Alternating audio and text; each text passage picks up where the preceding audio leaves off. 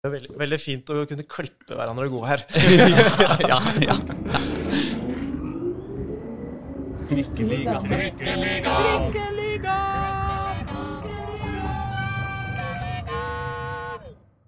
Mine damer og herrer og andre, velkommen til Trikken Trikkeligaen ruller videre på skvikende hjul. Eller hva sier du, Håkon Thon? Jo, hei, hei. Halla. Halla, Deilig på trikken. Ja, ja, ja.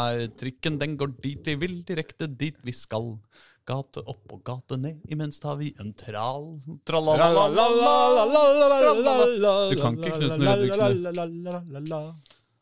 Du må kunne Knutsen og Ludvigsen, Håkon Den Thon. eneste trikkesangen jeg kan, er øh, den trikkeførerskyversen. Jeg kan ikke den heller. Kom på, Ja. på nå. Nei, det er Egner. Han eh, har eh, mange gode sider, men eh, nå Knutsen og Ludvigsen Det ble han ikke. Hei til deg også, Reidar Solli. Skyggene er lange, dagen er på hell. Hvem skrev den? Det er Ikke, ikke Knutsen og Ludvigsen eller Torbjørn Egner. Nei, nei men Trond Ingebrigtsen? Å ja! Kanskje. Ja, det, det er jo ikke så verst relevant heller. Soria Moria? Vi er jo i Skjærland hele tida. Ja, ikke sant? Mer eller mindre. Ja. Nei, men eh, vi, eh, jeg og eh, du, Reidar, vi skal til Ullern. En liten tur. Hvor vi skal treffe Didrik Bjella, hovedtrener for det framadstormende Ullern-laget, som er nesten i ferd med å rykke opp fra fjerde nivå til tredje nivå. Og dermed unnskyld, og dermed kan bli en utfordrer for eh, Kjelsås og Skeid og dem til neste år, hvis ikke de rykker opp eller ned eller eh, gjør noe, finner på noe tull. Eller bytte plass. Så jeg lurer på om vi hopper rett til Ullern, og så kommer vi tilbake hit til eh, studio og snakker om resten av runden. Det går T-bane til Ullern også. Ja, T-bane. Ikke trikk, men T-bane. Vi skal jo innom Stian Sortevik, Skeid og ikke minst Lino og Vålerenga damer. Ja, alt dette. Og mer til kanskje også. Vi skal i hvert fall rekke det. Eh, så eh, heng med oss eh, ut til Ullern, og så ses vi i, hjemme i Dagsavisens vakre, lyse og trivelige studioer eh, sentralt i Oslo etterpå.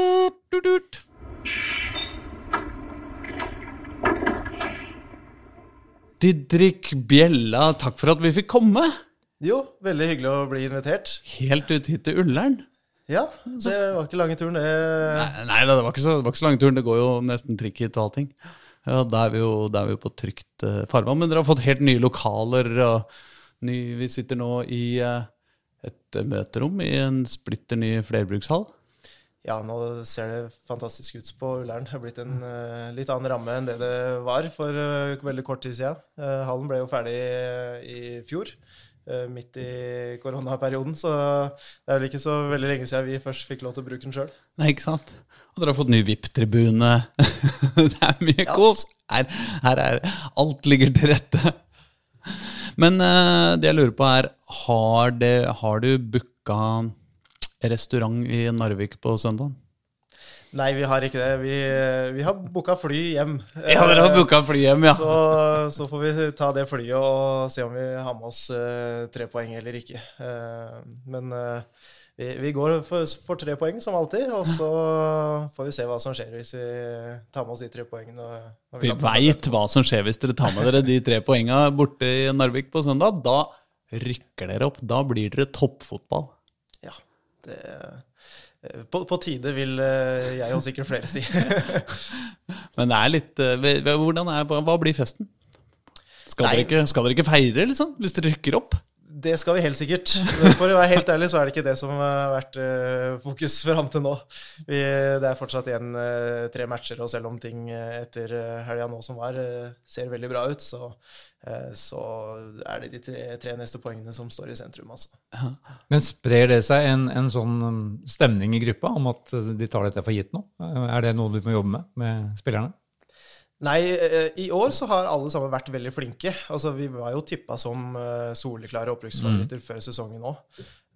Så vi har egentlig jobba med det hele veien, og det er et ganske nysammensatt lag på mange måter. Og eh, har, eh, som alle andre, vært igjennom en eh, tøff periode i 2020 uten å spille en eneste fotballkamp. Så eh, litt bingosesong, eh, som vi visste at vi er, var nødt til å bare eh, jobbe på og prøve å hele tida bli bedre gjennom hver eneste treningsuke.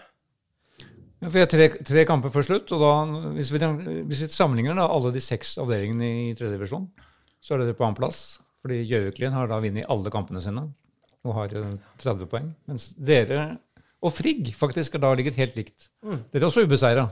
Ja. 8-2-0 på hver av dere og 26 poeng. Dere har også da komisk nok også har lik målforskjell som Frigg. Ja. Men Vi spiller ikke samme avdeling, da, men dere, da, da rangerer vi det som nummer to. ja, ikke sant? Og som du sier, et, et ganske nytt lag.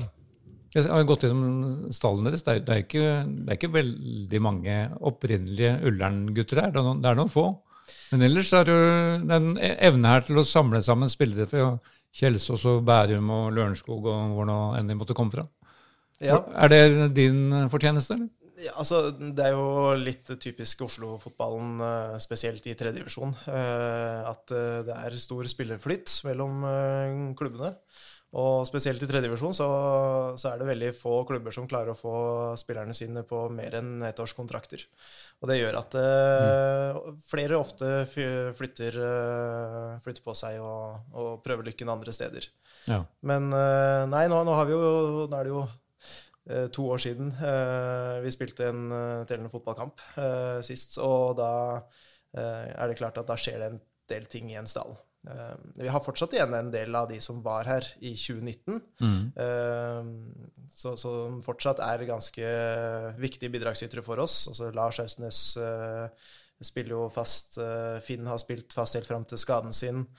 Eh, Espen Linde, Magnus Fosen er jo uh, Ullern-gutt som eh, blir tatt opp fra egen juniorsdal. juniorstall. Terje kan man vel på mange måter si at det er litt Ullern-gutt han òg, som har vært her tidligere. Eh, var også med oss i 2019, sammen med Thomas Martinussen. Nicolas Kristiansen var med fra 2019.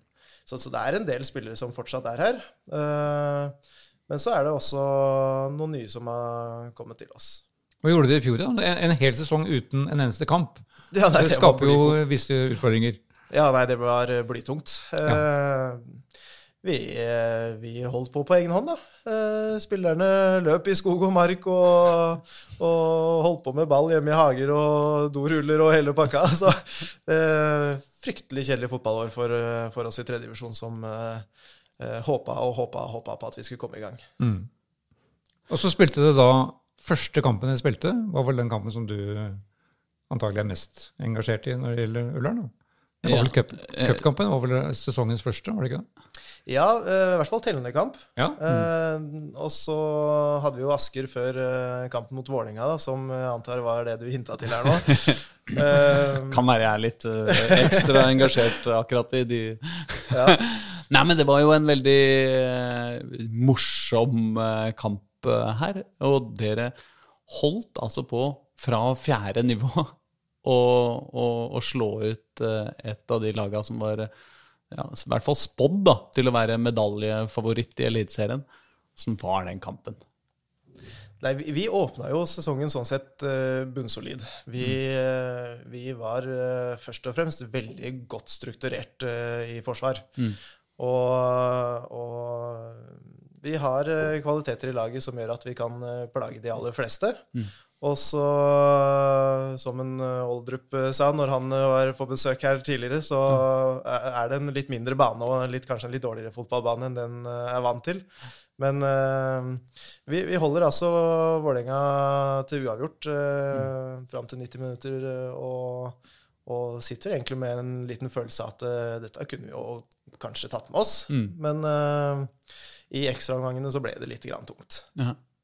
Men hvordan, hvordan er hvor, Altså, dette har jeg vanskelig for å sette meg inn i. Altså. Hvordan er det å, å, være der la oss si det 80. minuttet, da, eller liksom når det begynner, å, det begynner å bli tydelig for dere at ok, dere, dere er skikkelig med, liksom.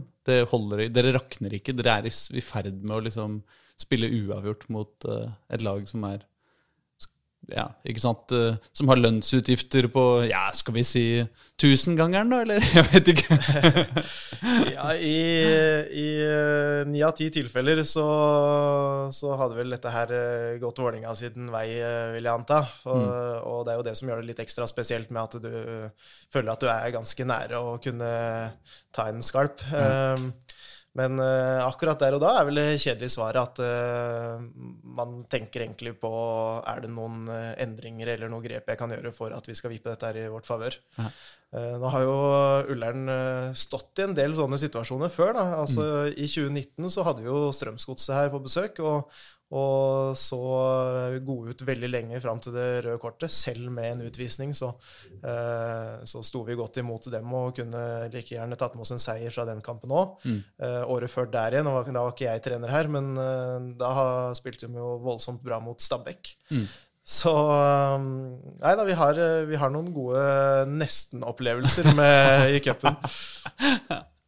Ja, for det var jo ja, altså, Oldrup uh, pekte jo på, på det. Altså, det, det, det, han, han, han til, til Oldrups forsvar han, han sa på en måte i leddsetninga før at det er litt tåpelig å sitte som elitespiller og, og, og snakke om eh, baneforholda i cupen mot et fjerdedivisjonslag, men, men eh, Vålerenga har jo tidligere spilt på Bislett, en veldig, også en veldig liten bane sammenligna med en liksom, smal, mye mye smalere bane enn de fleste eliteseriebaner.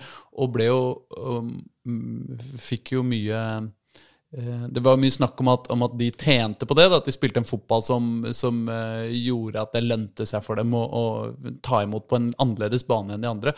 Og dere er jo også et lag som, som spiller mye på Dere presser høyt, og dere bryter ned. Og, eller, altså, dere, dere, dere vinner, vinner baller. Er det, spiller dere på en måte som gjør at det lønner seg for dere å ha en, å ha en liten bane? Liksom?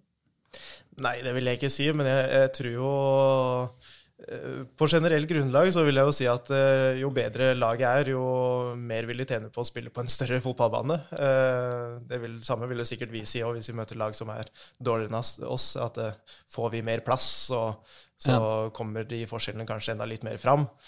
Eh, men, eh, men ja, jeg er jo samtidig litt enig med Oldrup at det er litt tåpelig som helproff eliteseriespiller å sitte der og, og skylde på banen. Eh, men det er klart det har skjedd, skjedd mange ganger tidligere at lag fra lavere nivåer har slått ut eliteserielag, så eh, alle veit det kan skje. og eh, Eliteserieklubbene er nødt til å konsentrere seg og komme skjerpa til i kampene der òg.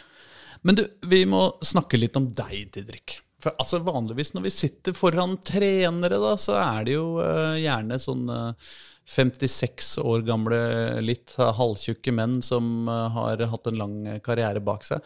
Du ser ikke ut som en trener, altså. Eh, du, du ser ut som om du er eh, 30.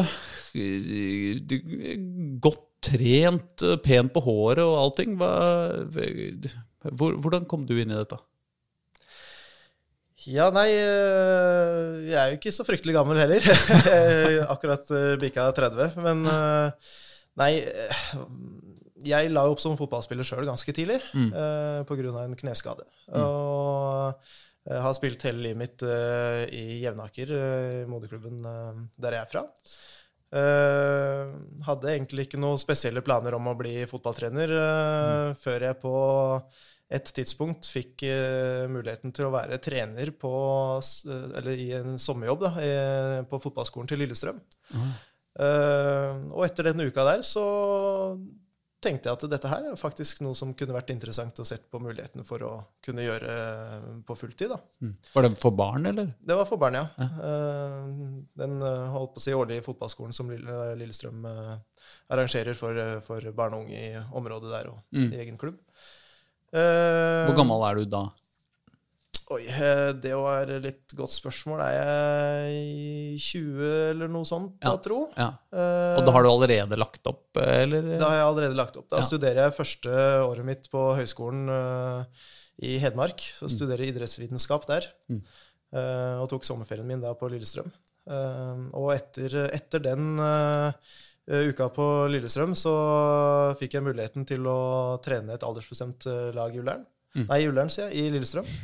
Uh, og var der i fire sesonger og trente lag. Og og fulgte da 97- og 98-årgangen uh, oppover. Altså Emil Ødegaard, som vi kjenner uh, litt til fra både Grorud og nå Koffa. Og eh, Kristoffer Ayer var jo på det laget der som, eh, som nå spiller Premier League. Eh, Så, så Sa han. Bare Ja. slang han ut eh, litt sånn tilfeldig. ja. Nei, så, så, så det var veldig, veldig artig å, å kunne jobbe i et uh, sånt type miljø, da. Eh, og det eh, det utvikla seg jo da til å bli en uh, interesse hvor eh, alt annet bare ble slengt på sjøen, uh, og hvor fokuset ble retta mot å kunne leve av det å være fotballtrener. Mm. For jeg så jo også at du da i den tida der ble litt involvert i A-laget i analysearbeid med, Ja under Henning Bergs ledelse. ja, stemmer. Uh, Så da må du ha sett noe hos deg, da? Det kan være. Uh, Det som var litt morsomt, var at eh, Kenneth Wilsgård, som hadde analyseansvaret i Lillestrøm før meg, han var læreren min på idrettshøyskolen og hadde faget ballspillanalyse okay. i, i klassen der jeg gikk.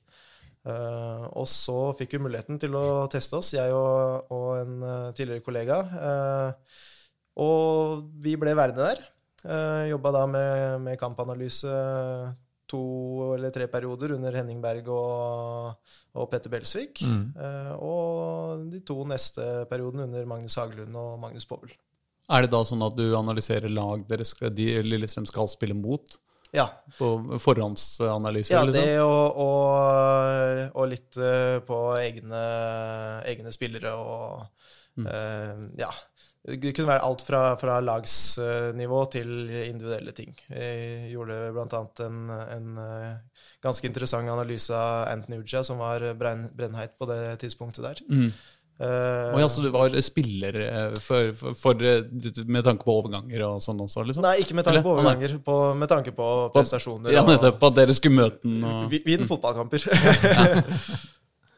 Hva, hva, ja, du hadde Kristoffer Ayer, sa du. Hva så du i han på den, på den tida? Han var jo på guttelaget til Lillestrøm. Ja, nei, nå, nå skal ikke jeg skryte på meg at det er jeg som har, uh, har utvikla han til å bli jo fryktelig god eh, er fotballspiller. Men eh, nei, da, han, han spilte jo noen eh, årganger eh, høyere opp eh, som oftest. Og så var han med oss og spilte noen kamper når vi, når vi eh, trengte å vinne dem, og, når vi spilte turneringer og litt, eh, litt sånt. Eh, men eh, Kristoffer har alltid vært veldig god for, eh, for alderen sin og har lagt ned en enorm arbeidsinnsats eh, først og fremst på egen hånd. Han Ja. har rett og slett bare blitt veldig god eh, fordi han er den han er. Og så seks i alle fag på skolen, skjønte jeg. Så han var liksom sånn Han, han, han beherska det meste. Ja, det er en eh, smart gutt. Ja. Og så hvor gikk veien videre etter det? Etter det så dro jeg til Skeid. Uh, Starta egentlig litt grann på nytt der i aldersbestemt fotball. Eh, For du flytta til byen, da, kanskje? eller? Nei, nei, jeg bodde hele tida i byen. Oh, ja. uh, så etter jeg var ferdig på Høgskolen i Hedmark så, og begynte på idrettshøyskolen, Mm. så flytta jeg da til Oslo og pendla da ut til Lillestrøm eh, hver eneste dag i, i forbindelse med jobben der. Så det var nesten mer på Lillestrøm enn det jeg egentlig var på skolen. Men eh, veien gikk videre til Skeid, og, og der var jeg i Jeg var vel der i fem-seks år, tror jeg. Trente Begynte med 2000-årgangen når de var eh, skulle bli 13. Fulgte de eh, oppover og, og gjorde det bra med dem. Og fikk etter hvert sjansen eh, til å være assistent på A-laget til eh, Skeid. Ja, Ikke sant? Under Tom Nordli. Under Tom. Men så også bare litt tilbake til denne analysen, for i min lille googling her så ble du også involvert av, Adrillos Drillos eh, periode to. At du hadde noen oppgaver for land, landslaget. Ja, det, det var en, eh, som en del av eh, bacheloroppgaven som vi skulle levere. At vi eh, kunne gjøre motstanderanalyse av, eh, ja, av kommende motstandere da, Mm. i, i EM-kvalifiseringa. Ja. Så jeg satt da og gjorde analyse av Danmark. Dette er innkvalifiseringa til hva blir det? Tolv? Eller? Oi, det er et godt spørsmål. Ja. Det husker jeg ikke lenger. Faktisk. trenger- det- det- det- altså. Ja, det ble for meg. Det trenger vi ikke å Men leverte du det, da den analysen til Drillo? og- Leverte da analysen til eh, Ola By Riise, som, som tok den imot. Og i hvilken grad de brukte det eller ikke, det er jeg usikker på. Men eh, de tapte kampen og burde kanskje sett nærmere på den. Ja, nettopp. Men, men du, da, da skrev, skrev du da en bacheloroppgave om det danske landslaget, da, egentlig? Eller, Ja, eller var det bare en del av det? Det var en del av det. Hva het bacheloren din, liksom? Eh, det var vel bare noe sånt som eh, kampanalyse, eh, tror jeg. Eh, men vi, vi satt, og, satt og skrev mye teori rundt hvordan analyse ble, kunne bli brukt som metodikk. Da. Eh, og så var den, da den praktiske delen var å, var å levere en, en god matchanalyse til, til landslaget. Går det an å si noe som jeg kan forstå, holdt jeg på å si, om hva det er for noe? Altså, liksom, hvordan eh, Hva gjør du annerledes enn vi når vi ser på fotball, liksom? Det er jo veldig mange måter å analysere en fotballkamp på. Du kan sitte i sofaen og, og prøve å se etter mm. ting og se hvem som er gode og ikke. Stefan Strandberg er god på huet, liksom. Det, det er min analyse. Ja, da, da, da, da sier du kanskje til han eh, midtstopperen at han må du passe på på dødballer. Eh, men eh, nei, det, det er alt e- ettersom eh, hva du er eh, ute etter å finne ut av, da. Eh, man prøver å se på tendenser som går igjen. altså Hva er det motstander ønsker å få til? Hvilke prinsipper er det de forsøker å jobbe etter i, i forsvar og angrep? Hva kan de straffe oss på? Eh, Hvor kan vi straffe dem? Eh, Så det er mye sånne type ting det går på. Og så ser man jo etter om det er noen spillere med litt grann ekstra som man er nødt til å passe på. Eh, Sarawi eh, i cupkampen var jo en som vi hadde brukt eh, en egen halvtime på å gå gjennom med, med Lars Hausnes, eh, eh, som da spilte back, eh, for å passe på. Fortell, hva, hva gjør Osame Sarawi? Han Altså, bortsett fra å være flink til å drible og sånn, drible-. Bortsett fra å drible seg forbi spillere og skåre mål. Nei, han øh, Det vi la veldig mye vekt på, var øh, egentlig to ting. Han, han er ekstremt god til å dra seg innover i banen og få øh, enten kippa igjennom eller sende stikkere igjennom til medspillerne sine. Eh, Det andre, den andre tingen som vi så, er at eh, han har det som vi kaller for reversløsninger. Altså, det ser ut som han har bestemt seg for å gjøre en ting, men gjør noe annet. Eh, Eller at han har gått for noe, og, og det ser ut som han skal f.eks. for forsøke å vende spillet, men ombestemmer seg i det situasjonen oppstår, og eh, ta ballen tilbake en motsatt vei, da, for å prøve å, å drible forbi på utsida, f.eks. Litt sånn Myggen fra gamle dager? Kan vi sammenligne Ja, med det? det kan du kanskje godt si. Ja. Revers Hva kalte du det? Eh, Vi har kalt det reversløsninger. Det finnes sikkert noe Ja, okay. At han har en plan B, liksom? Er det det du prøver å si? Eller er det det at han finter plan A? Jeg, jeg, jeg tipper at han gjør det på instinkt. Mm. for det er klart at eh, en, en forsvarsspillers oppgave vil ofte være å eh, prøve enten å reagere på det som allerede har skjedd, eller mm. forutse hva som kommer til å skje. Og mot en så god spiller som Sarawi, så vil du gjerne prøve å være litt grann i forkant istedenfor på etterskudd.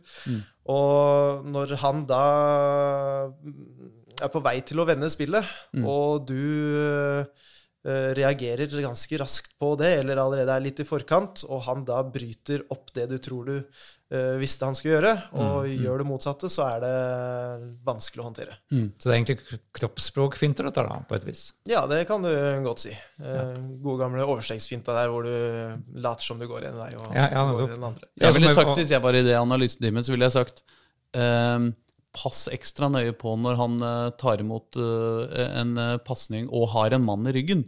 For han greier alltid å dra av han han har i ryggen i det øyeblikket han tar imot pasninga. Det er kanskje noe der at folk tror han skal gå til høyre, og så går han til venstre likevel. Ja, han har jo en ekstremt god nærteknikk, så eh, nesten uansett hvor godt du forbereder deg på han, så tror jeg du fort sitter i saksa. Men dere greide det ganske bra, da. Ja, da vil vi si det. Men det betyr jo at nå har du alle detaljer klare om Mjølner på søndag, og, og hva de kommer med. Så du gjennomgår alle lag, alle motstandere, like nøye? Ja da, det gjør vi. Helt ja. uavhengig av hvem vi møter, så er det Vi ser minimum tre kamper av uh, neste motstander før hver runde. Ja. Så Mjølner har vi lagt en plan for, og som blir presentert spillerne Blir det først på torsdag nå fordi det er B-kamp i dag, da. Ok. Men presenterer du alt du veit, eller eh, er du Altså hvis du, hvis du eh, da du var tidligere, altså på en måte bare jobba med analyse og ikke var hovedtrener sjøl, hvis du eh, analyserer høyrebekken til Lillestrøm, liksom, eh, og hva han gjør bra og dårlig, og, og hva han kan ikke sant, sånn, Gir du han den rapporten også, eller er det bare treneren som får noe som skal være utspekulert og si det på lure måter? Ja, nei, det var eh, du, du leverer eh, så mye informasjon som du kan, og så får uh, hovedtreneren bestemme hva han plukker ut og, og gi fra seg videre. Ja. Men uh, sånn som vi jobber med det i Ullern, så, uh, så velger vi noen nøkkelpunkter som vi mener er viktige. Eh, prøver å begrense det i så stor grad som mulig, egentlig, for at vi skal kunne utføre de få punktene vi har satt opp til punkt og prikke. Og så sitter jo selvfølgelig eh, assistenten min og, og meg eh, igjen med mer informasjon, da, og, mm. og har en plan på hva vi skal gjøre hvis det er andre ting som oppstår, eller uh, uh, ulike kampscenarioer som, som uh, oppstår underveis. Mm. Litt tilbake til Skeid, og ifølge Norges Fotballforbunds hjemmesider så, har, så består din spillekarriere av tre kamper for Skeid i femtedivisjon i 2015. Ja. Skeid Kjelsås 1-6. Brosundet Skeid 14-1. Nei. Og Skeid Holm Holmlia 2-5. Sammenlagt målforskjell 4-25. Tre kamper, men to gule kort. Ja. Jeg vet ikke om det dette vi skal legge hovedvekt på, men, eh, men Nei, det er ikke så mye å plukke med seg derfra. Det var, det var noen av oss trenere som hadde lyst til å spille litt fotball og syntes det var morsommere å gjøre, trene og holde seg i form på fotballbanen enn i styrkerommet. Så, så øh, Ja. da, da kommer det noen seine taklinger da, og noen gule kort. Og så ja, så tror jeg vi lar det være med det. ja, det får bare stå der. Men du kom da til Skeid og, og, og gikk da inn i tren- trenerteamet der under, under Tom Nordli og var vel med på den opprykkssesongen da, fra andredivisjon til Obos-liga. Nei, jeg ga meg faktisk eh, rett før eh, Ja, det var sesongen før du var der. det stemmer. De to foregående sesongene var jeg der. Riktig. Men du, da hadde du bestemt seg for å bli trener, men var det, var det der du lærte praksisen, liksom, på, på feltet? For det er et, et, det er jo å ta et steg fra teorien og, og lære seg faget til å faktisk overta rollen. Så hvor viktig var de, de to årene der? Ja, nei, under Tom eh, har jeg lært masse. Altså ikke bare, ikke bare faglig og, og hvordan vinne fotballkamper, men også uh, hvordan også få det meste ut av folk. Eh, Så det er klart, de to årene der uh, har jeg tatt med meg veldig mye. Og så er det jo klart at helt siden, helt siden jeg var i Lillestrøm, så har man jo tatt med seg noen tanker og ideer om hvordan man ønsker å gjøre ting sjøl når man eh, først får sjansen. Og så endrer dette her seg kontinuerlig eh, underveis, og så har du litt eh, spillertyper som kanskje ikke passer akkurat dine ideer, og så må, det, må man være pragmatisk. Men eh, ja, eh, under Tom så var det to veldig interessante fotballår. Ja. Det var det. Tom er, Nordli er jo en, eh, en karakter det er mye historier om. Hva, hva er det rareste du opplevde med, med Tom Nordli som sjef? Oi, det rareste er jeg usikker på, men eh, Nei, han, eh, han har veldig mye gode historier som eh, han nesten bør fortelle sjøl. men, men det jeg har tatt med meg fra, fra Tom, er, er hvordan han coacher i 11 mot 11. Der syns jeg han er en av de absolutt beste på feltet av de jeg har sett. Eh, ekstremt god til å få fram sin visjon av hvordan spillet skal være. Eh, og så stiller han steinharde krav til eh, alle rundt seg. Altså både trenerteam og, og klubbledelse og spillere. Ja, for du lærte vel også litt Det er jo mye pedagogikk i å være en trener ute på, på feltet. Eh, det å være tydelig og, og, og gi beskjeder. Ja, Så- absolutt. Det hjelper ikke å sitte med kunnskapen og vite hvordan ting eh, bør se ut, hvis du ikke klarer å formidle det til spillergruppa. Nå vet jeg ikke om du da var i Skeid det året, men David Tavokoli, som vi hadde her for noen uker siden, fortalte jo om en episode der de skulle opp på Kjelsås og spille cupkamp. Og da forsvant ja, det, det, det var Morten Berre som var assistent hans. Det var et, etter din tid. Men da forsvant jo da Tom, Berre, Tom Nordli underveis. Møtte ikke opp før plutselig fem minutter før kampstart. Ja, nei, er det et triks? Er det, det er noe du bruker, eller? Nei da, jeg, jeg, har ikke, jeg har ikke brukt den uh, ennå. Kanskje har det som et ess i ermet til seinere. Men eh, nei da, det, det har jo vært eh, artige ting eh, på banen, og det er, eh, det er mye gode historier og mye latter, og det er god stemning. Eh, Tom er veldig flink til å og få folk til å jobbe med seg og i, dra i samme retning. Og så, eh, og så er det Noen håndterer eh, de kravene, og andre gjør det ikke. Eh, han, Tom har jo mesteparten av sin trenerkarriere vært eh, mye høyere. Og når man kommer ned til andredivisjon, så, så er det noen som kanskje ikke er vant til å jobbe på samme måte. Og det var jo en av de tingene Tom sa når han først kom, at han ville trene Skeid som et eliteserielag. Og det gjorde han. Så det at vi fikk resultater, eh, er ikke så veldig overraskende. Han, jeg har jo snakket med han, selvfølgelig, så han, han ga jo deg veldig god attest som i den assistentrollen. Ja, at du, kunne, at du kunne faget. Og det, det er jo nå, Thommessen. Det fins to veldig eh, typer trenere i eh, norsk uh, Ok, tre, da. Eh, den ene er selvfølgelig den gamle fotballspilleren. Eh, og den andre det er den som er utdanna som, fotball, som fotballtrener. teoretikeren. Og den andre er den som er ut, utdanna som lærer. Eh, det er mitt inntrykk. Ja, det er kanskje litt sånn i mange tilfeller. Eh, og, og, spesielt hvis du ikke kommer fra en spillekarriere sjøl, så, så er jo egentlig, egentlig den eneste veien å, å gå enten å være en skikkelig skikkelig god leder, eller å kunne, kunne faget veldig godt. Eh, og så vil jeg si at jeg er uh, såpass heldig at uh, etter at jeg har uh, tilegna meg kunnskap gjennom å ta alle studier og kurs og, og alle de tingene der, så har jeg også fått mulighet til å, å oppleve Tom Nordli, da, som, som har vært på et høyt nivå, og, og som stiller disse kravene her, og er en veldig god formidler.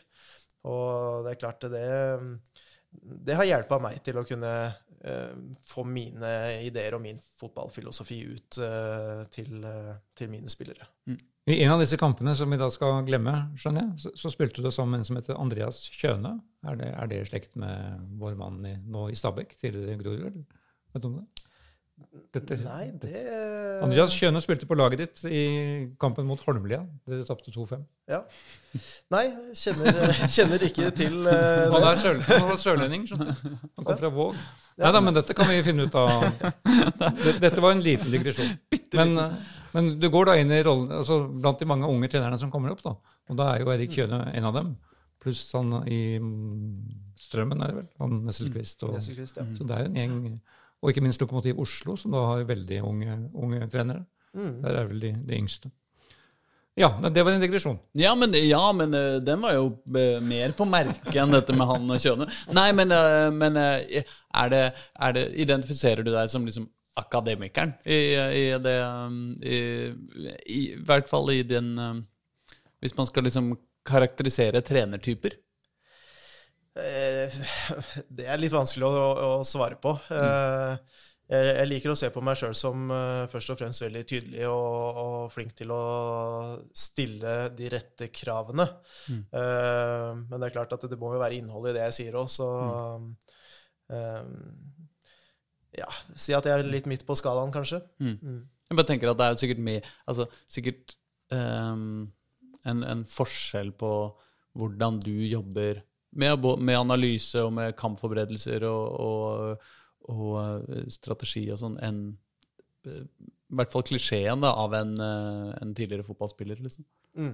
Ja, det, det er klart at når, når jeg som uh, ung trener også skal trene spillere som uh, ikke bare er eldre enn meg, men også eh, har spilt på mye høyere nivå enn det jeg har spilt, så er det utrolig viktig at jeg kan faget, mm. og at de føler at jeg har noe å komme med. Hvis ikke så er det fort ganske kjørt. Men hvordan gikk, da veien videre fra, fra Skeid?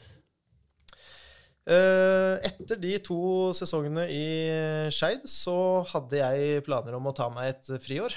Og bare reise rundt og se litt eh, fotball og få med meg litt eh, her og litt der. Eh, besøke litt kollegaer rundt omkring. eh, og prøve å bare tilegne meg litt mer kunnskap. Eh, og så var det min eh, gode venn og kollega Joakim Dragsten som trente Lokomotiv Oslo på den eh, tida. Han eh, hadde fått et tilbud fra Eidsvoll-turen.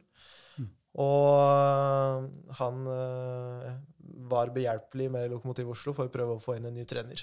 eh, og spurte om jeg ikke hadde lyst til å ta en prat. Så sa jeg egentlig ganske tydelig fra at eh, jeg har tenkt meg å ta et friår. Eh, men uh, satt meg nå motvillig ned i en stol og prata litt eh, med, med Lokomotiv Oslo og var med på noen treninger og, og så litt. Og så er det jo sånn at det er jo gøy å holde på med fotball, da. Og én trening ble til to, og to ble til flere. Så, eh, så ble jeg værende der. Og den spillergruppa som var der, var uh, morsom i form av det at det var en del eh, eldre og rutinerte spillere der som tok coaching veldig lett. og og jeg kunne stå der i en pause og legge om strategien fullstendig uten at vi i det hele tatt har trent på det, og de tok det på et blunk. Og det gjorde at det var veldig morsomt å holde på, så da ble jeg der en sesong før jeg ble plukka opp av Ullern. Dere skal vel møte Lokomotiv Oslo snart, i en av de, en av de tre siste kampene? da. Det er siste serierunde. Siste serierunde, og de ligger i dag på tredjeplass, faktisk, Det gjør det. i avdelingen. Åh, Gjett om du har tenkt å knuse dem, da. Ja, nei, eh, artig, eh, artig eh, det der med Lokomotiv Oslo og Ullern. For når jeg var i Lokomotiv Oslo, Mm. så møtte vi også Ullern. Jaha. Og da ble det vel 8-1 sammenlagt i favør Lokomotiv Oslo. Ok. Og så hadde vi dem vel også i avdelinga vår i 2019-sesongen, etter at jeg tok over Ullern igjen. Eh, og da var Ullern igjen på topp uh, og tok uh, Lokomotiv Oslo. Eh, Ja. Så jeg tipper begge lagene er litt sugne på å ta hverandre nå. Men du er alltid på den vinnende sida. Det var det som var eh, mitt, eh, mitt lille hint der. Mm. Men eh, godt dere plukka det opp. Men Lokomotivet det, det er i prinsippet en gjeng studenter fra Nordvestlandet? Er ikke det som er utgangspunktet for hele den klubben? Uten at vi skal gå i tung analyse av dem nå? Ja, nei, det er vel en eh, I, i utgangspunktet så var det en sunnmørsklubb som er drifta av sunnmøringer. Og, og så har vel det blitt mer og mer utvanna det siste. Eh, noen relasjoner inn der er det vel fortsatt, men eh, det er mye studenter. Det som er litt spesielt med dem i år, er at de har klart å få inn eh, ganske mange spillere som har en del tredjedivisjonserfaring fra før. Så, så det, er, det er blitt et veldig bra og godt tredjedivisjonslag.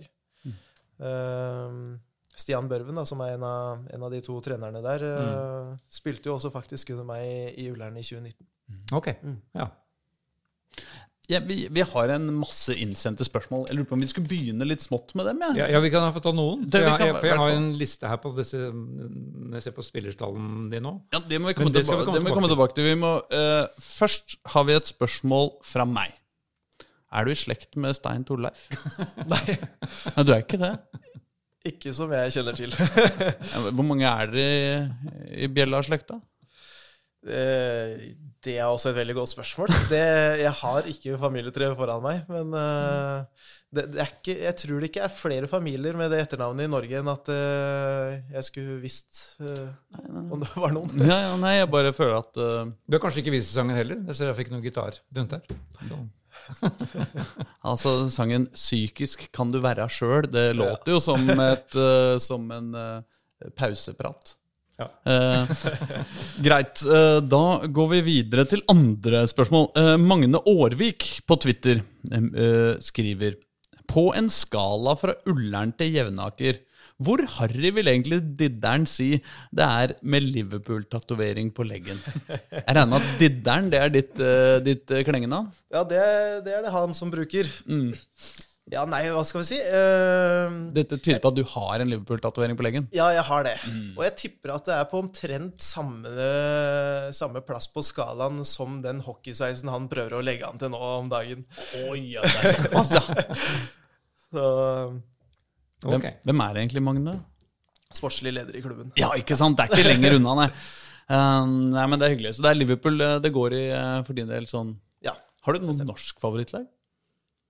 Eh, bortsett fra Ullern akkurat nå. Nei da, jeg, eh, jeg liker å følge litt grann med, med Lillestrøm. Mm. Og så har det i alle år vært en eh, liten klinsj der, fordi hele familien min på fars side er uh, ihuga Vålerenga-supportere. Så jeg har jo en oppvekst der med å sitte blant klanen. eh, Og det, det, det slutta blått, brått uh, når jeg begynte å jobbe i Lillestrøm.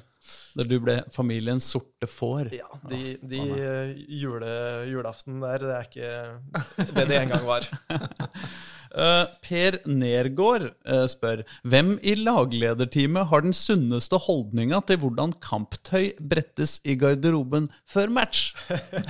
Ja, det der er en liten eh, intern, intern greie. Det, det, det gjetta jeg på. jeg har to, to lagledere, eller to materialforvaltere, som, eh, som er ganske artige typer. Eh, og han ene er, har tatt noen av mine tendenser og er veldig bevisst på at ting skal ligge ordentlig, og det skal se ordentlig ut, og spillerne skal få en skikkelig god opplevelse av, eh, av eh, det som møter dem når de kommer til kamp. Ah, det er sånn brettekant eh, Ja da, så, skal være skikkelig? så han, eh, så han eh, ene Christian, da, som han heter, han bretter shortsene veldig flott og henger opp drakta og, og legger GPS-brikken og vannflaska og alt står eh, pent og pyntelig på hver sin Mm. plass.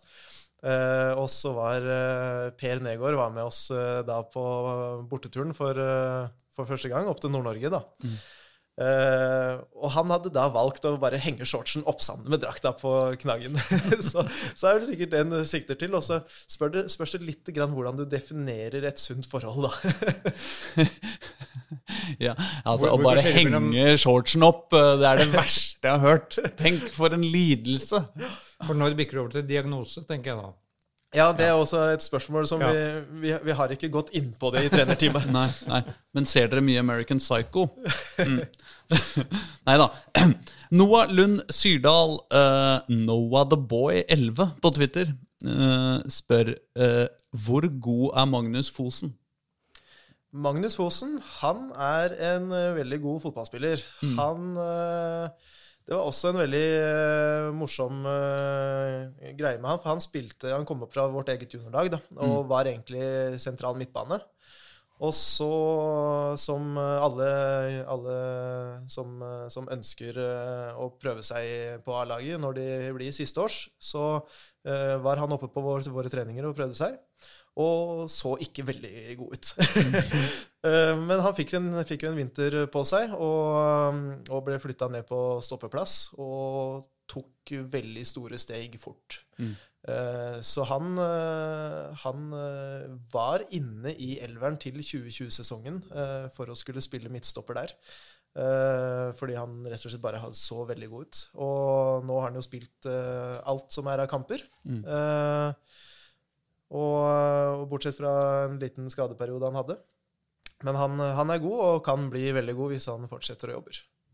Hva, hva, hva sa du til han? Eller var det bare hans eget initiativ at han greide å steppe opp? Jeg har ikke sagt opp? noen ting, men eh, han, eh, han har klart å steppe opp sjøl, og så har han sikkert fått litt innspill eh, her og der. Um, Skjalg Sæter eh, spør, stiller et spørsmål som, eh, som eh, jeg gleder meg til etter å ha sett den, eh, den Ullern-Vålerenga Cup-kampen.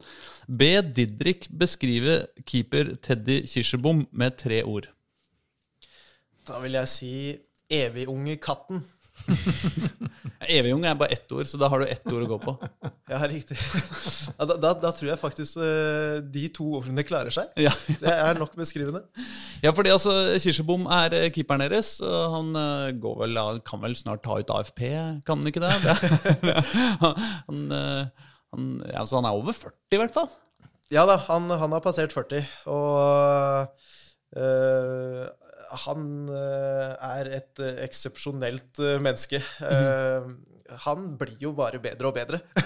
Blir det er det? morsomme. Ja da, han Altså, han, han kom, til oss i, kom tilbake igjen til klubben i øh, 2019, mm.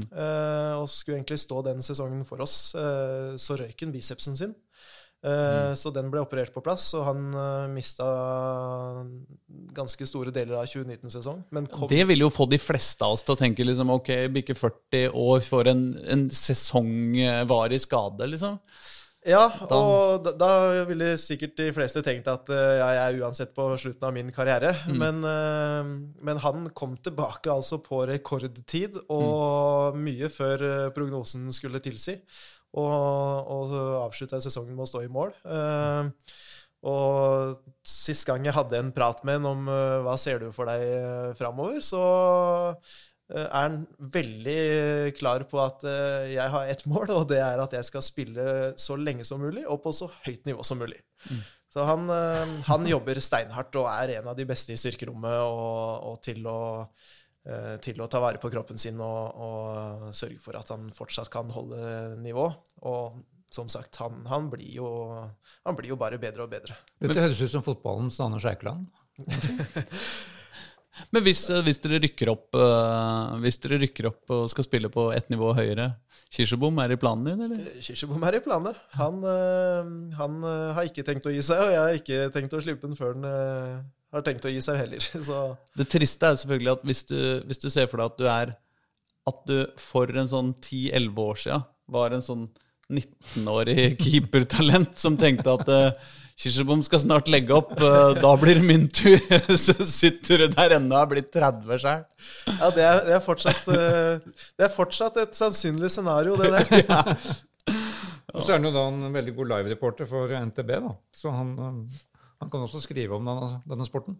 Ja, han er, han er kvikk både i replikken og på tastaturet, han altså. Er det Jesper Nesbakk Wold som er keeperreserve? Ja, det stemmer. Ja. Så han har en lang vei fram. Skjønner jeg. Det er mange år fram i tid. men, eh, men eh, Oldrup, eh, tilbake til det intervjuet, så, så, fortalte han om en situasjon i denne cupkampen hvor, hvor Henrik Bjørdal hadde gått litt hardt på uh, kirsebom uh, på, en, på, en, ball som egentlig keeper hadde kontroll på. Uh, og Det ble frispark for rulleren, og, og han, Bjørdal hadde regna med å få en liten utskjelling fra keeperen. Og da hadde han, men isteden hadde Kirsebom sagt det er helt greit, kompis, du må jo prøve å gå på den ballen. er, er, det, er, det, sånn han er? Ja, Terje er veldig fin på, på mange måter. Han mm. Eh, ærlig og rett fram uh, fyr som, uh, mm. som sier det en tenker på, han. Mm. Så, så, har han vært med lenge, da. Ja. Så han av og til så er han klokere enn spissa òg. du skal ikke bli veldig overraska om han står der og coacher motstanderen spiss og sier hva han bør gjøre. ja, men jeg, altså, jeg, jeg, fikk kanskje ikke så god uttelling på det rareste Tom Nordli har gjort, men uh, hva er det rareste Terje Kirsebom har gjort? hva, hva, er den historia du forteller hvis du virkelig skal, når du er på byen og skal fortelle en skrøne om keeperen din? Oi, eh, ja, da, da spør du godt igjen, altså. Eh, det er eh, det vil, det vil, jeg kanskje si at han, eh, han, er jo en av de eldste spillerne på laget og, og er en godt voksen eh, mann. Mm. Men uh, det har virkelig vært situasjoner på treningsfeltet hvor det har smelt fra meg til han òg, hvor han står der og krangler litt grann tilbake igjen. Mm. Så, så, det ene, ene, øyeblikket så er han par og 40, og det andre så virker det som han er 17. men Nei da, han, han, er bare en veldig fin, eh, en fin fyr og, er kjempeviktig for oss i garderoben. Og, og, er litt sånn lim i gruppa og har veldig mye mm. å komme med til unge spillere. og uh, Bidrar med masse rutine og er kjempeflink til å snakke bort, uh, snakke bort situasjoner før de oppstår. Og, mm. Mm. mm. Snakke bort den dårlige stemninga? Ja, ja eller, eller, nå tenkte jeg litt mer sånn ut på banen. At uh, han, han, snakker bort problemene før de oppstår. Mm. Så har noen styrker der òg, i de kommunikative egenskapene hans. Ja, for Det har ikke vært så mye dårlig stemning. Du har jo ikke tapt en kamp siden den mye omtalte Vålerenga-kampen. Det er jo siste tapet dere har. Nei da, den, eh, den dårlige stemninga kommer, eh, kommer, oftest uh, hvis vi ikke gjør som vi skal på trening. Men mm. det er vel kanskje sunt det òg, at det skjer innimellom, sånn at vi kan holde koken oppe i kampene når vi spiller de. Mm. Jonny Normann Olsen, uh, Skeid, uh, han, har, han har sendt fire spørsmål. Som, som også uh, allerede er blitt svart på av, av Joakim Dragsten, uh, som jo er trener for Eids, Eidsvoll-turen. Men, men, det får vi komme tilbake til. Men han, han uh, Spørsmål én fra Jonny. Hvor god kunne Jens Bråten Rongved blitt hvis det ikke hadde vært for skadene?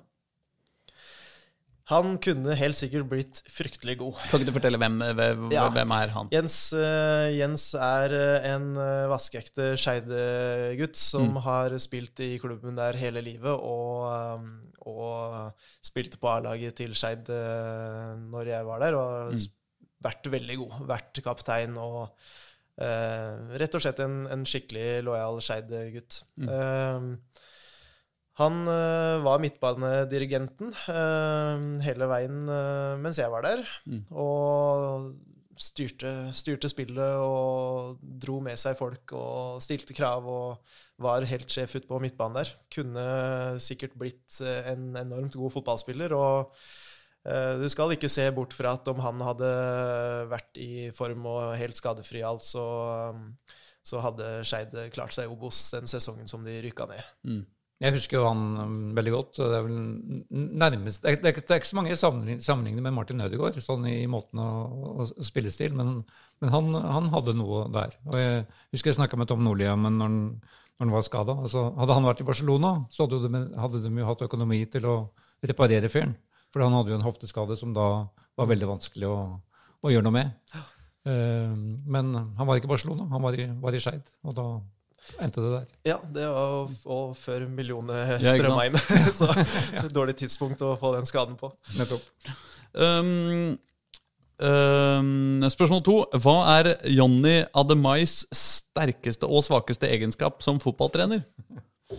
Var da, dette, han var vel sidestilt assistent med deg i Skeid, var han ikke det? Ja, altså Vi hadde en, uh, veldig, et veldig godt trenerteam der. Uh, Morten Berre var jo spillende assistent, og Jonny Ademai var assistent og, sammen med meg der. Eh, Jonny, ja. Eh, akkurat det spørsmålet så syns jeg jo Joakim Dragsten svarer meget godt på. Det er jo en vinnerskalle som, eh, som er hans største både styrke og kanskje svakhet. Og, eh, jeg har ikke noe vondt å si om Jonny. Han er en eh, veldig fin eh, fyr, han og en eh, veldig god fotballtrener. Eh, det er masse intensitet i, i hans måte å være på.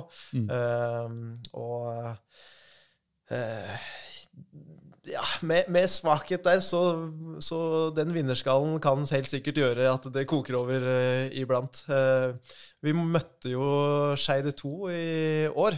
Eh, ja. I første serierunde.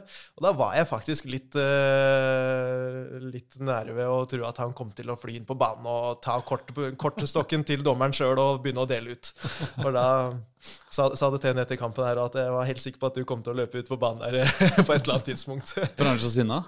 Ja, nei, han, han blir veldig engasjert, og det er jo kjempebra. Altså, fotball betyr masse for han. Eh, og Skeid betyr veldig mye for han. Uh, vært der i alle år. Mm. så ja, det går ikke veien, så kan det koke. Det var vel en usedvanlig tett og jevn match òg. Dere, vant på overtid, var ikke det? 3-2? Ja, det var eh, en eh, tett, jevn og rotete fotballkamp Ja. eh, i mine øyne. Vi raser gjennom de to siste fra Jonny. Hvordan ender en fyr fra Jevnaker opp som hovedtrener for Lokomotiv Oslo? Men det har vi jo det, det, det, det, den, den historien har vi fått allerede. Eh, Men spørsmål fire. Ender Ullern foran Kjelsås neste år? Ja. Det håper jeg. Ja. Jeg må jo gå for det. Og så får man, eh, får man eh, se da om eh, det betyr at vi begge er i tredjedivisjon, eller om vi begge er i andredivisjon. Ja. Eller om dere bytter plass. eller om vi bytter plass òg, ja. Det var et alternativ. Ja. Altså, dere har jo, eh, Her har dere jo splitter eh, nye garderober, mens eh, Kjelsås-garderobene er jo faste lyttere klar over at det er stappfulle av edderkopper. Riktignok helt frivillig, fordi Eivind Kampen opp, driver oppdrett. Men, men, men det er kanskje en det er, det er kanskje sånn at fasilitetene, det er, det er fasilitetene som gjør det. ja, det kan du si. Eh, nei, eh, har ikke de garderobene fått et nytt malingsstrøk de siste åra? Jo, jo, jo, det var noe sånn eh, det var noen TV-programmer inne og, og fiksa litt. Ja, det sånn var det jeg mener. Ja, ja, det er sant det. Men altså, Joakim Dragsten har altså svart på alle disse spørsmålene. Han har sagt uh, på dette med Jens Bråten Rungtvedt eh, han skulle blitt eliteserieprofil. Uh, Jonny Ademais uh, sterkeste egenskap er vinnerskalle. Eh, eh, hvordan du ender opp i Lokomotiv Oslo, er eh, sin enorme Nei, det er eh, trenertalentfabrikken. Og på spørsmål fire ender rulleren foran Kjelsås neste år, så svarer uh, han ja. Å nei, ja, unnskyld. eh, På det forrige spørsmålet så sier han trenertalentfabrikken Lokomotiv Oslo sin enorme tiltrekningskraft. Men altså, hvorfor eh, svarer treneren for Eidsvolls turn på dine spørsmål? Det er det jeg lurer på. Ja, nei, vi Joakim og jeg snakker, snakker ofte sammen. Vi er Mm. gode kompiser, og vi, vi jobba sammen i Skeid i alle åra som, eh, som vi begge var der, før han gikk til Lokomotiv Oslo. Mm. Ikke sant? Når han gikk eh, fra Lokomotiv Oslo, så gikk jeg til Lokomotiv Oslo. Mm. Så vi, vi har holdt dialogen hele veien og, og snakke med hverandre eh, sikkert et par ganger i uka. Mm. Eh, Så, og så er han eh, typisk trønder, da, og, og er pratsom. Så, så han, eh, han liker å Skulle, skulle sikkert helst sitte her sammen med oss og skravle litt, Og, og skravle litt, da. Da må han, da må han dessverre finne seg, eh, finne seg et Oslo-lag å være trener for. Altså. Det Ja, er- det nytter ikke å Langt utafor vår sirkel. Surre rundt eh, oppi der, det holder jo ikke. Um, og så enda en trener som blander seg inn i, eh, i eh, Twitter-spørsmålene våre, er Tom Dent. Ja. Kjenner du han? Ja da, vi Mm. var på A-lisenskurs sammen, vi. Så, Ja, så det er sant? relasjonen derfra. Det er det eneste spørsmålet vi har fått på engelsk. Ja, Han er hovedtrener for Stjørdals-Blink og uh, spør What is the next step once the job in Ullern is done?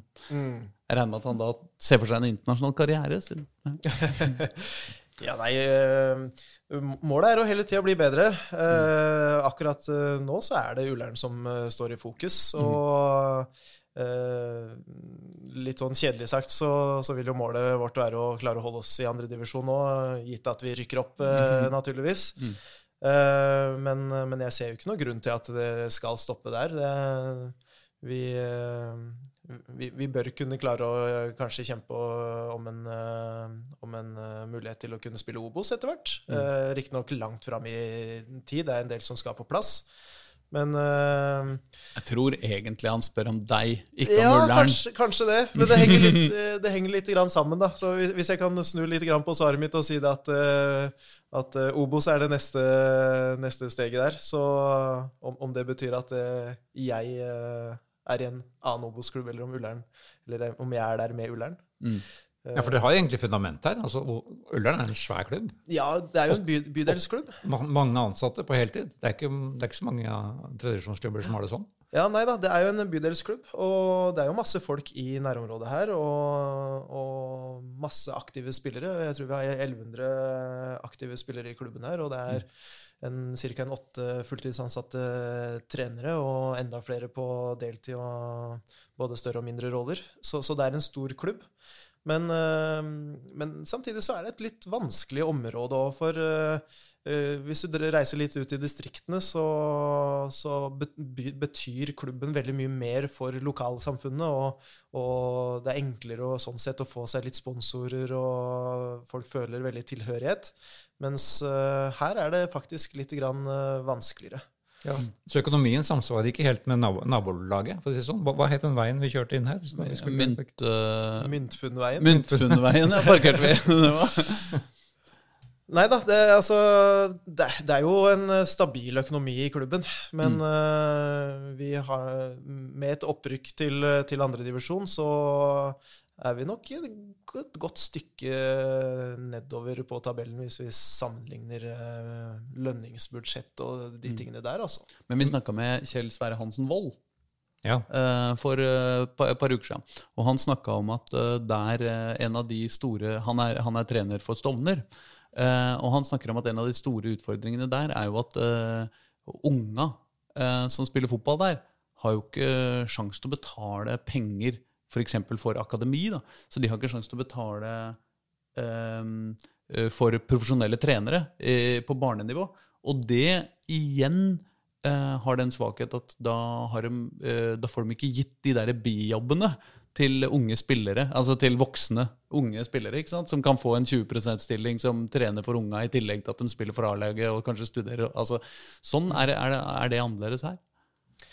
Ja, altså her har vi jo Det er, det er ingen spillere her som, eh, som trener eh, lagene. mm. Eller de aldersbestemte lagene. Det er, det er utdanna dyktige trenere som, eh, som enten er ferdig med, med høyskoleutdanninga, eller som eh, har begynt på det. Mm.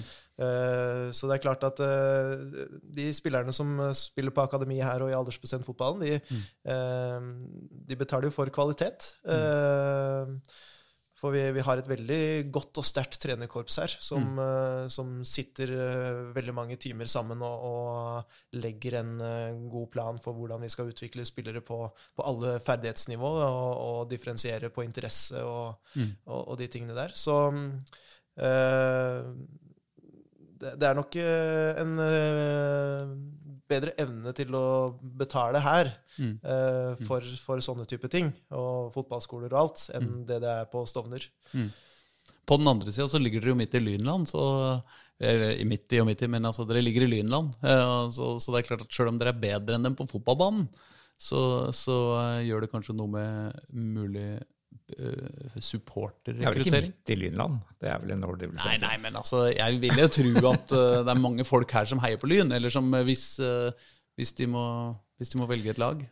Ja, det skal du kanskje ikke si for sikkert. Uh, Er det bare fordommene mine nei, som det har ikke jeg så mye kjennskap til, egentlig. Men eh, det, er ikke, det er ikke noe jeg har merka, merka sånn sett.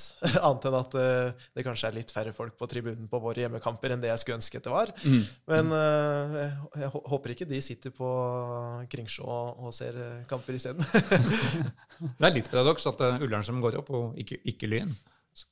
Ja, altså Det er jo to klubber, begge, begge to, som uh, tilhører eh, en divisjon høyere opp, eh, sånn klubbene er rigga akkurat nå. Og så har jo Lyn klart har forutsetninger, eller bør ha forutsetninger i hvert fall, til å kanskje komme enda høyere. Og de har jo historien og, Uh, og kanskje viktigst av alt en, en uh, stor publikumsskare da, som, uh, som interesserer seg veldig for klubben. Eh, så har de slitt litt med kontinuitet, og det er de tingene som vi kanskje har lykkes litt grann med i Ullern eh, de siste årene, som gjør at vi, vi eh, har klart å, å komme dit vi er eh, per i dag. Da. Uh, Bare innrøm det, dere har bare jobba bedre enn dem.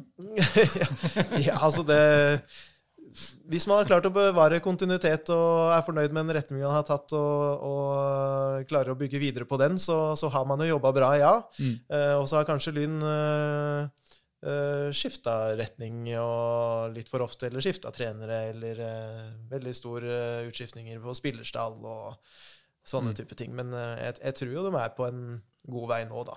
Det tror jeg. Men det må jo være noe med deres evne til å bygge lag. For jeg ser på den stallen deres, nå skal jeg ikke gå gjennom alle sammen, men bare for å ta Kjelsås, da, som vi har snakka litt om via Terje Kirsebom. Men du har jo da Ismar Dizdar, som er veldig viktig her. Kom fra Kjelsås. Um, uh, Nicolas hva heter det for noe? Grøndalen Christiansen. Hadde han et av årets mål her sist nå? Forrige match så han- hadde han en suser i krysset. Han sa vel til oss at det egentlig var et sleivskudd, men, eh, men det, det var en suser i krysset. Ja, dette, det kan du tro på, for dette, han har ikke hatt så mye annet enn tap-ins uh, fram til den skåringa der. Og så da Jens Bonde Aslaksrud, som jeg snakka om før, som hadde 100 kamper for Kjelsås, før han kommer her og bøtter, bøtter inn mål. Ehm, det er jo en evne da, som sagt, til, å- sette sammen et lag her. Og dette er jo ikke ja, Aslaksrud la vi jo merke til i Kjelsås, men eh, det, er- jo morsomt at, at, dette her klikker sammen her, da. Ja, altså spillelogistikk er eh, ekstremt viktig på dette nivået. Det, altså, det kommer man ikke fra. Uh, og, og det har også med, med den tidligere nevnte spillervandringa fra klubb til klubb å gjøre. Eh, vi har jobba veldig, veldig godt med det og prøvd å finne spillere og typer som passer godt inn hos oss. Vi får, altså vi får enorme mengder med henvendelser eh, fra spillere rundt overalt. Okay. Eh, og vi tar veldig sjelden inn noen av dem. Eh, Hva slags eh, type henvendelser er det, da? Er det fra det kan være alt mulig rart. Altså det kan være fra spillere som eh, flytter eh, til Oslo for å studere. Det kan være spillere i alt fra fjerde og femte divisjon som ønsker å prøve lykken. Eh, det kan være spillere som eh, sliter benken et eller annet sted og ønsker å prøve seg et annet sted. Mm. Veldig mye forskjellig. Altså ja, Jeg har sikkert eh, to-tre mail i uka om, eh, fra, fra spillere fra utlandet som ønsker å komme seg og, Ja. hit og prøve å spille fotball òg. Men, eh, men eh, vi, vi, vi har ikke tatt imot eh, så mange av de. Altså Det vi har gjort annerledes, er at vi har bare satt oss ned og satt, sett enormt mye fotballkamper på nivå og nivå over. Og sett spesifikt etter hvilke typer og spillertyper og materiale som vi ønsker å få inn her. Og, og er jo litt opptatt av å prøve å få inn spillere som har tilknytning til Oslo-området òg, sånn at vi slipper å miste spillere når de er ferdig studert. Mm. Uh, I en viss grad så har vi vært heldige med det, og så har vi fortsatt noen veldig sentrale brikker som, som ikke er fra området, men, men uh, det er et kriterium som vi, vi ønsker å se etter. Men, men i bunn og grunn så handler det om at vi har, vi har sett etter spillere og gjort en veldig grundig jobb med å identifisere de vi ønsker eh, å ta inn, og som vi ser kan passe. Kapteinen deres kommer jo fra Brattvåg, Ålesund. Altså Ja. Thomas Skog Martinussen. Ja, det var et av de tilfellene hvor det rett og slett ikke var noe tvil om at han måtte vi bare ha inn.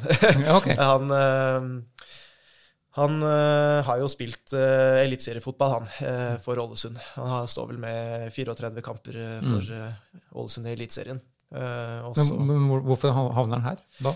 Nei, det kom faktisk som en konsekvens av at vi eh, hadde noen sunnmøringer her eh, fra før. Eh, Lars Ausnes, som, som kom fra Spjelkavik, eh, hadde en relasjon der. Og så kom han, han kom jo midt i sesongen, så da, da var jo ting ganske satt. Og så eh, ja, fikk han lov til å være med og trene, og så ble han med. Men han flytta til Oslo rett og slett, og så Ja. skulle finne seg et lag her, egentlig? Eller? Ja, han, det var, jeg lurer på om det, han, han flytta vel til Oslo både fordi han studerte, og fordi at uh, samboeren hadde fått seg uh, jobb i Oslo. Mm. Så da ble det Oslo-klubb. Og så midt i denne buketten så har du da en landslagsspiller fra Sierra Leone. Ja. Hva er historien om, hva er historien om Alfred Sanko? Alfred, han, eh, han eh, ble jo først henta av Remi Wulf, som var trener her i Når han Remi var her, da? Fra 2003, tror jeg. eh, som henta Alfred til klubben. Ikke i 2003, kanskje? Kom Alfred hit i 2003? Nei, det han, han kom vel i 14 år siden. Ja, nei, men han kom vel i 2007, noe sånt, tror jeg. Mm. Jaha. Uh, Det er 14 år siden. Ja. så altså, han, han begynner jo å dra litt på åra, Alfred òg, da. Men, Men, uh, men uh, han, uh, han kom da med, med Remi Wulf, Mm. og så var han ikke her mer enn en halv sesong før han ble plukka opp av Strømsgodset. Mm. Og spilte eliteseriefotball der til, en, til 2012, hvis jeg ikke husker helt feil. Men kom han da til Ullern Altså kom han til Norge og Ullern samtidig, liksom? Ja, det, Ullern var da første klubben i Norge som han uh, kom fra. Ja. Det, var, uh, det var Remi som henta han fra Sierra Leone. Og helt hvordan det foregikk, det Ja, nei, har jeg ikke detaljene på. Men uh, han, han spilte nå i hvert fall her som førsteklubb. Mm. Jeg tror han, han, han kunne vel sikkert ikke norsk eller noe som helst. Mm. Men nei, rett til Strømsgodset og inn og spille Eliteserien der. eh, og, og gjøre det bra. Og videre så har jo karrieren hans bare vært et stort eventyr. Mm.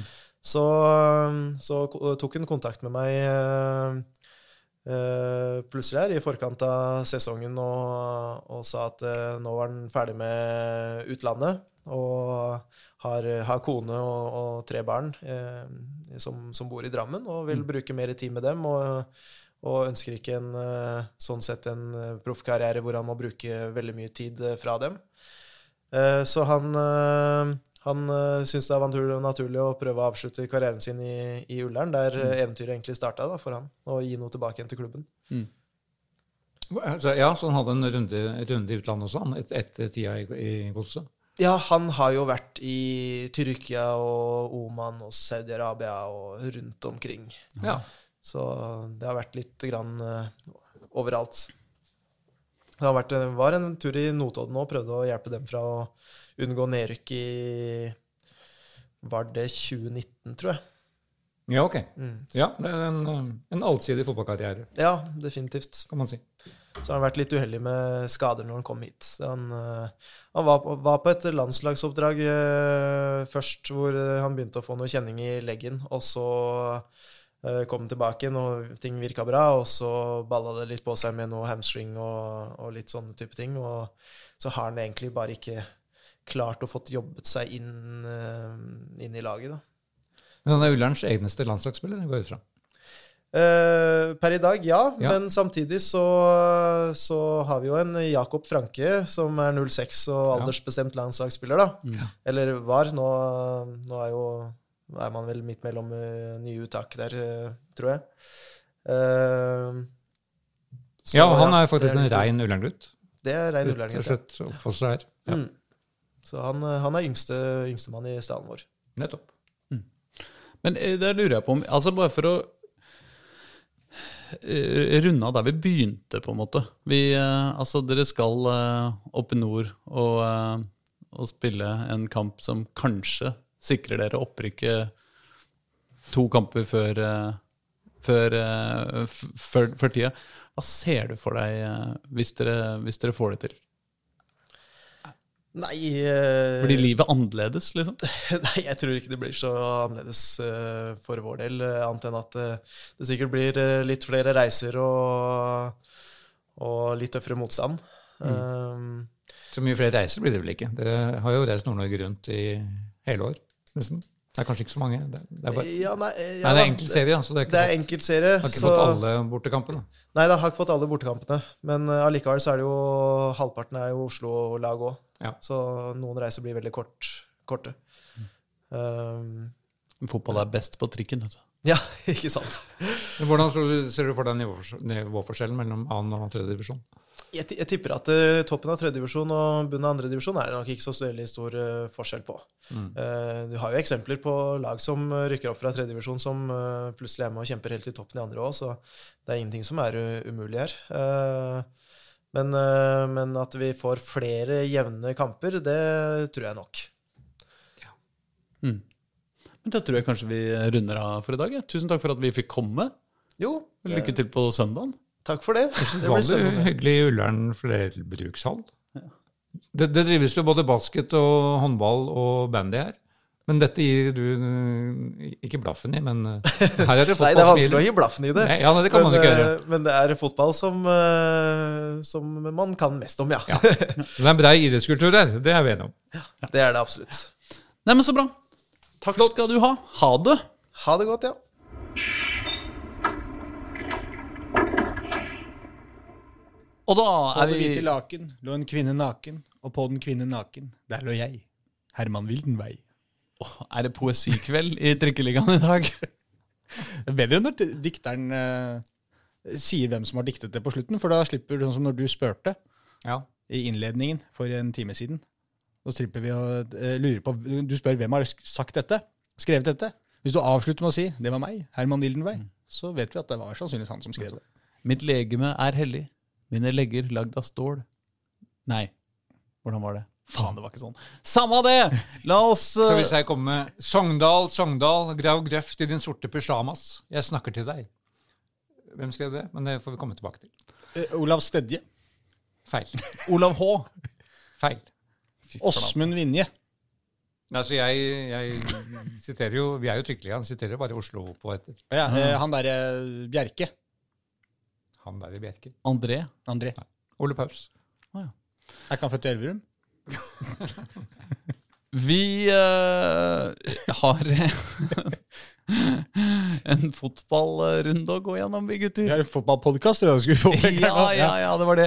Eh, Det høres jo nesten ut som etter innledninga at vi skal diskutere den evige diskusjonen om uh, Vålerengas eh, supportersanger og deres eh, eh, iboende eller i hvert fall deres uh, hentydninger til kvinnehatt. Eh, men det skal vi ikke. Eh, det får andre gjøre bedre og mer intelligent enn oss. Men vi skal derimot eh, eh, dra til uh, Kringsjå, eller? Skal vi begynne der i dag? Det kan vi gjøre. Fordi det har jo vært landslagspause, så både Eliteserien og Obos-ligaen har ligget brakk.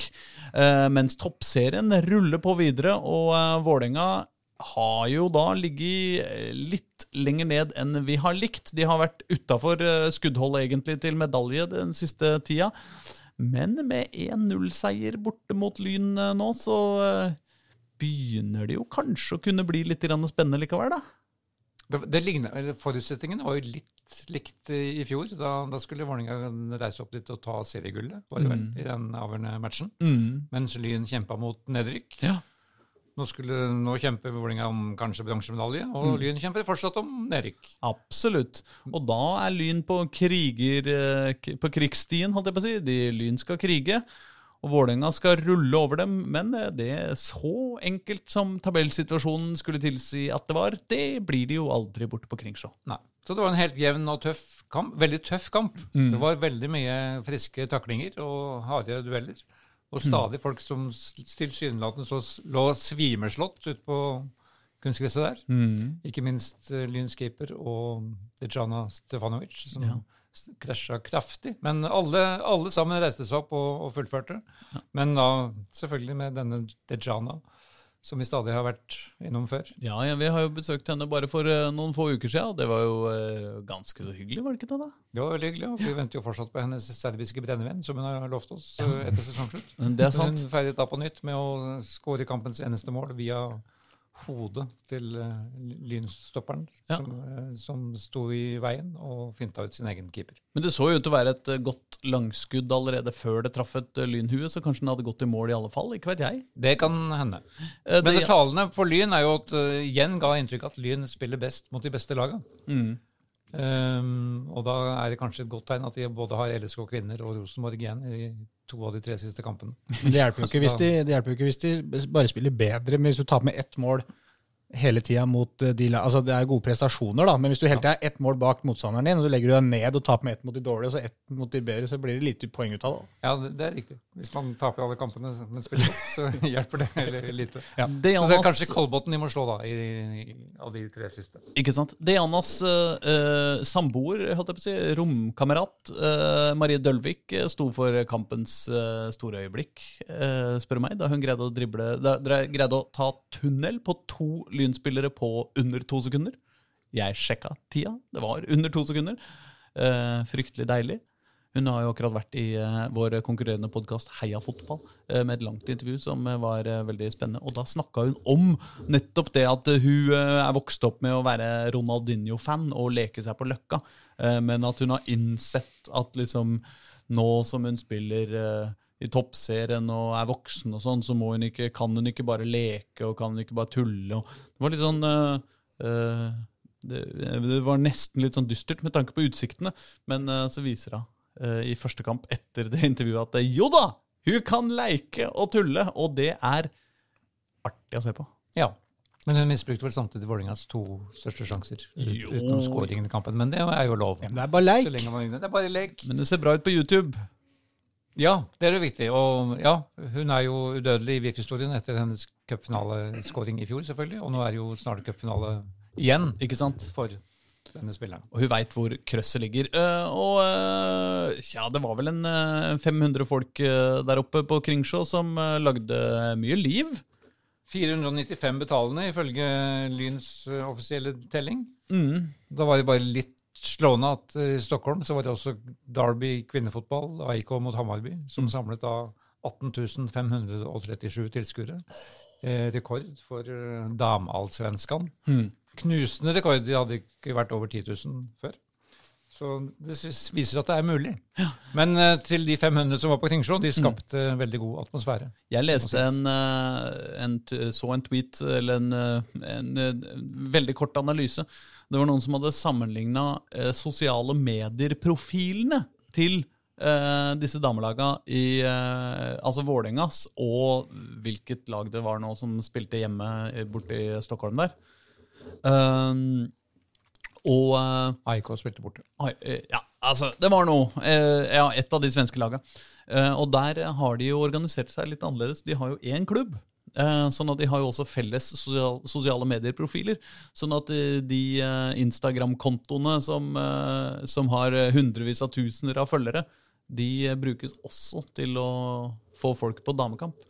Mens i Vålerenga så har jo eh, damelaget egne eh, folk som driver med alle disse greiene, og som eh, da når ut til mye færre enn mannelaga gjør.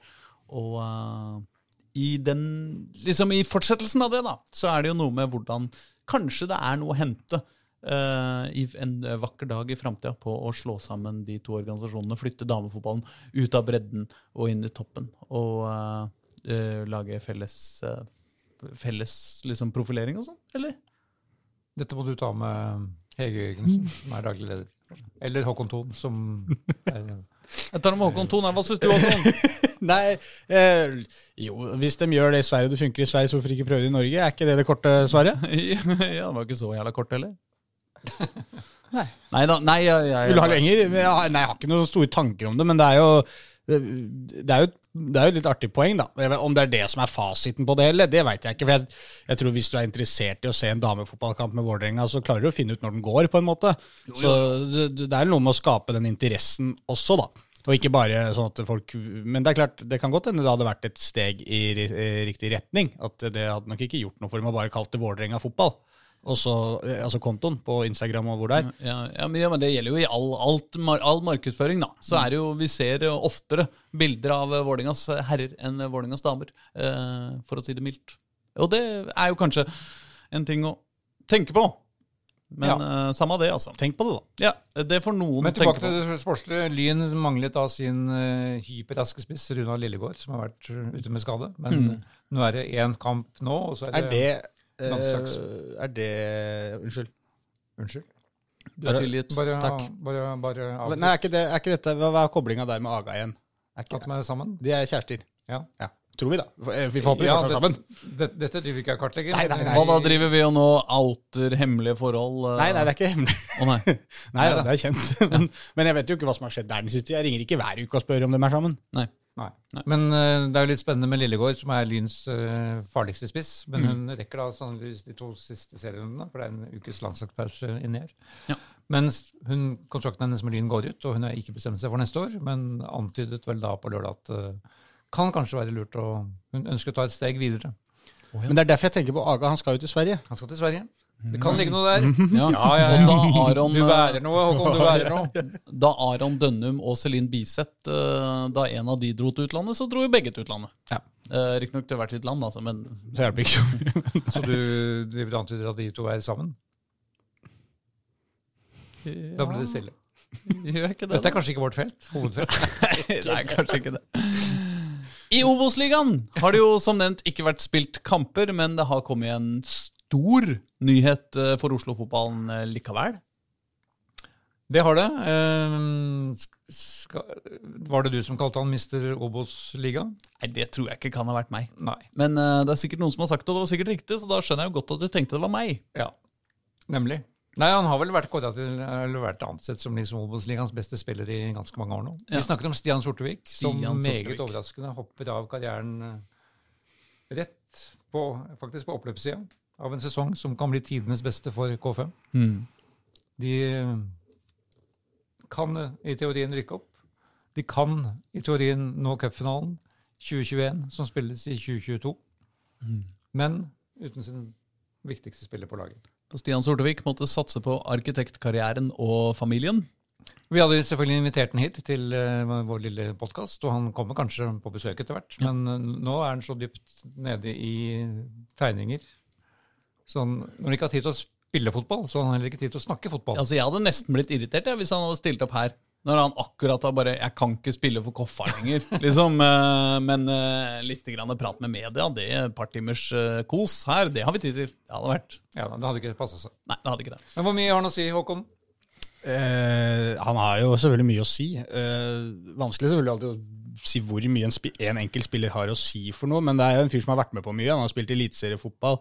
Han har vært eh, førstedivisjons, eh, om ikke beste, så i hvert fall en av de aller beste spillerne i ligaen. Det er jo eh, også en attraksjon å se på. Eh, altså, han, er en, han er ikke en sånn viktig spiller i form av at han er et, et, en defensiv kriger eller liksom den type. Han er, han er jo en eh, kunstner, en artist. Han, er, han har en teknikk som er en nærteknikk som er helt eh, spinnvill og som jo har vært nøkkel altså sånn Veldig ofte så, så, så sier folk i dag var ikke Stian god.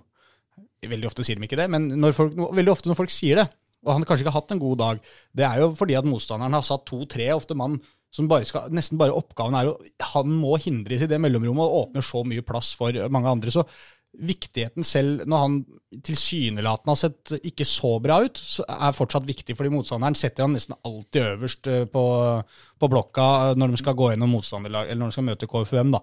Så Nå, jeg snakka jo med øh, altså Stian var jo litt her før sesongstart, og det var jo veldig, altså veldig på nippet at han ikke signerte eller ble med fra start denne sesongen. Og, så hadde, han- og det var jo pga. at det, det, ting tok tid. Han hadde egentlig ikke den tida lenger. Men så har han jo helt åpenbart et veldig sånn sterkt ønske om å være med og bidra for KFM. Han har stort hjerte for den klubben. øh, og han skjønner jo at det er på en måte en spesiell tid øh, det, det, det idrettslaget er inne i nå. Så det, det ble vel bare at han skulle prøve denne sesongen. Så ja, tidspunktet er merkelig, sånn rett på oppløpssida, og KFM er virkelig med og kjemper på flere fronter. Men allikevel ikke så overraskende at det skjedde, og det virka litt som jeg snakka med Jørgen Isnes, øh, treneren til KFM, om dette også, at han Eh, han på en måte, ja, Vi så jo på en måte at dette kunne komme til å skje. Så er det selvfølgelig kjedelig, som han sa, men, men vi, da får bare noen andre stå fram. og Det er, det er litt sånn holdning av Isnes har til veldig mye, både skader og spiller som for, legger opp. at eh, det, det får bare, Sånn er det. Vi, eh, han har ikke aldri, sjelden noe ytterligere kommentarer til det, men det er klart Stian Sortevik eh, hadde vært viktig for dem denne høsten her. Nei, Det har åpenbart ikke vært noen prosess for å prøve å overtale ham. Når han bestemte seg, så bestemte han seg. Jeg tror det har vært veldig åpne kort her. på en måte. Altså, sånn, De har hatt dialog på dette hele veien, tror jeg, på, på hvor han står, hva han tenker om situasjonen. og Han har nok tøyd strikken ganske langt ikke sant, allerede. Dette er nok ikke noe sånn ønske fra hans del om at han ikke skal være med på de siste kampene. Jeg tror han har veldig lyst. Han har ikke tid, bare. Nei, har ikke tid. Og vi får se. Neste kamp for KFM er mot HamKam, serielederen, på Briskeby kommende, kommende lørdag, er det vel. Da får vi se KFM i sitt nye tilværelse uten Stian Sortevik. Ja, Det blir spennende. I uh, noe som er enda mer spennende, må det vel være lov å si, er jo nede i eh, andre divisjon der. Uh, hvor Skeid kjemper med nebb og klør mot Egersund for å, uh, for å ta opprykket. Som missa så vidt i fjor. Kan de greie det i år? Det var spørsmålet før denne rundens toppoppgjør. I, år kom de, nei, I fjor kom de til kvalifisering mot Ja. Asker gjennom sin annenplass. Og nå er det jo snakk om å bli nummer én eller, eller nummer to. Og eh, ja, vi, var jo som, vi har jo vært på besøk hos Didrik Bella. Altså, av en eller annen merkelig grunn så alle våre gjester virker det som på et eller annet tidspunkt har hatt en kobling til Skeid. Ja. Eh, Så han hadde jo også sett Egersund-Skeid på, på søndag. Nei, og den, den, den har jo da antagelig alle våre lyttere sett, kanskje. Eller i hvert fall vet hvordan, Nei, det har de ikke. Men de vet i hvert fall hvordan det gikk. At, at Egersund tok ledelsen 2-0 og hadde tilsynelatende ganske god kontroll på den kampen, syns jeg. Jeg syns Skeid var passive og mm, skapte veldig lite før pause. Mm. Men så er det jo da mm, I og med at de da har en mm, opererer både i annen og tredje divisjon, så har de en stor stall. Og Gabriel Andersen har da banka inn mål i tredje divisjon. Har ikke spilt på A-laget, starta på A-laget på lenge. Mm. Og kommer da inn 20 minutter for slutt, som en joker.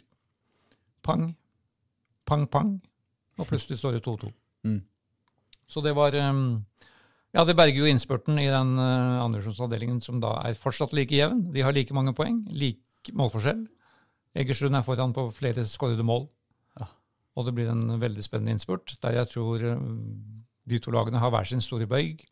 Skeid har Kjelsås på bortebane, mens uh, Egersund avslutter borte mot Arendal. Og selv om Arendal ikke er med lenger i opprykkskampen, så er det en prestisjekamp der som uh, kan bli vanskelig for dem.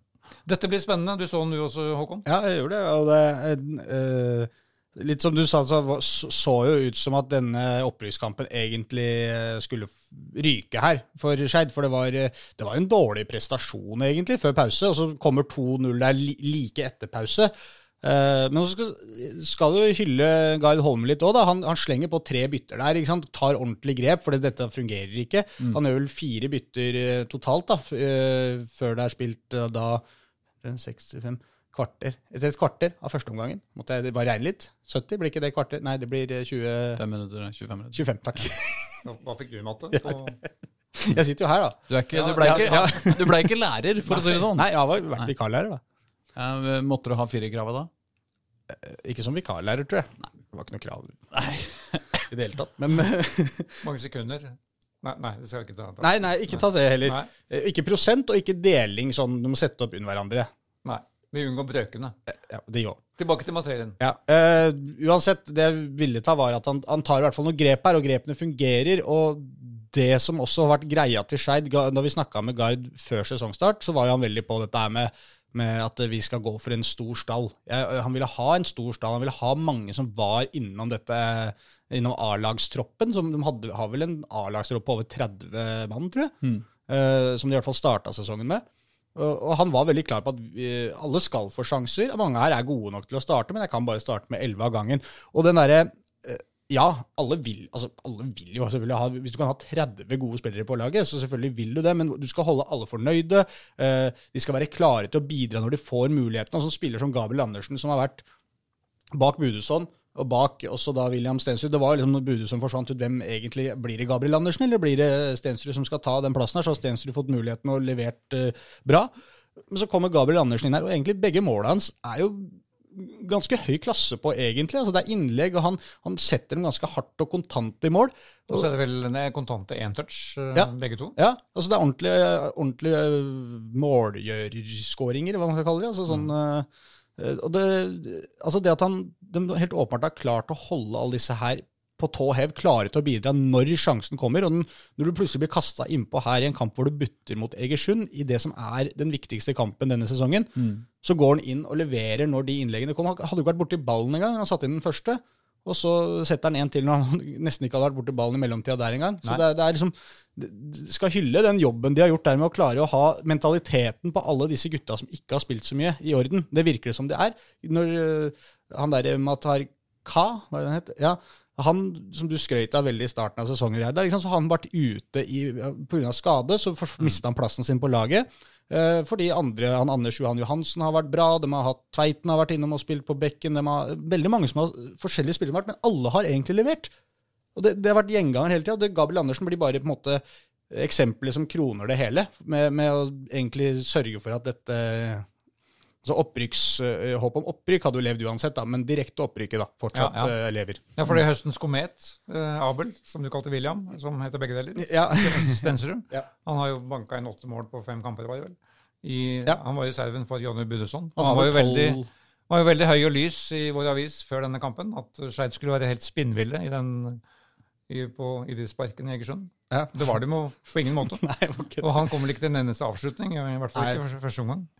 Men eh, da hadde de Gabriel. Vi må, vi må slutte å snakke så mye pent om eh, spillere. Vi har jo snakka så mye pent om eh, unge Stensrud, så det er nok derfor det har gått til helvete. Ja. Så da Gabriel Andersen må på benken, og da, eller Ja. For vi har skrytt litt av Jeg syns ikke Gabriel Andersen var noe særlig bra. Jeg synes Han var ganske dårlig. Jeg har ikke noe trua på han før de siste kampene. Nei.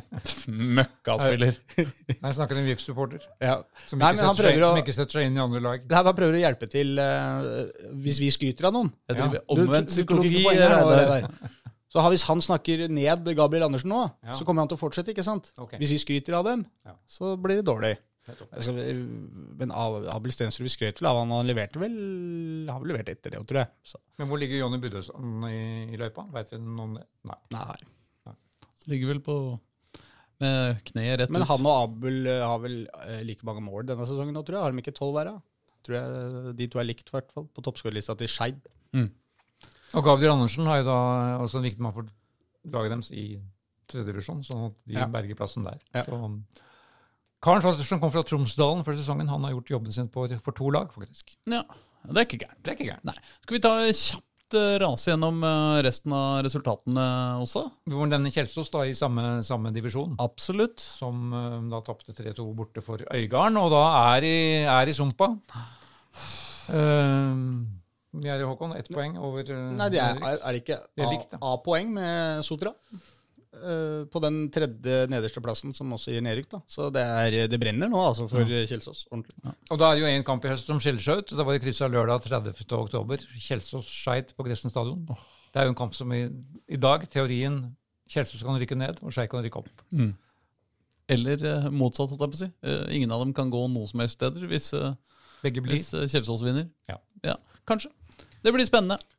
Men jeg har vel fortsatt inntrykk av at Kjelsås leverer, levere prestasjoner fortsatt litt bedre enn det resultatene sier. Men det hjelper jo ikke noe da i lengden. Ja, nå har ikke jeg sett, jeg har ikke sett Kjelsås eh, en del runder nå, men jeg har jo lest uh, om kampene de har spilt, og det virker jo som at det er én setning på en måte som vi har bare tatt og kjørt kontroll C, kontroll V på, altså kopiert og limt inn. Og det er jo at Kjelsås er det beste laget, men får ikke nok utdeling og slipper inn litt for enkle mål. Det har stort sett vært oppskriften helt fra runde én, da de starta borte mot Vard Haugesund.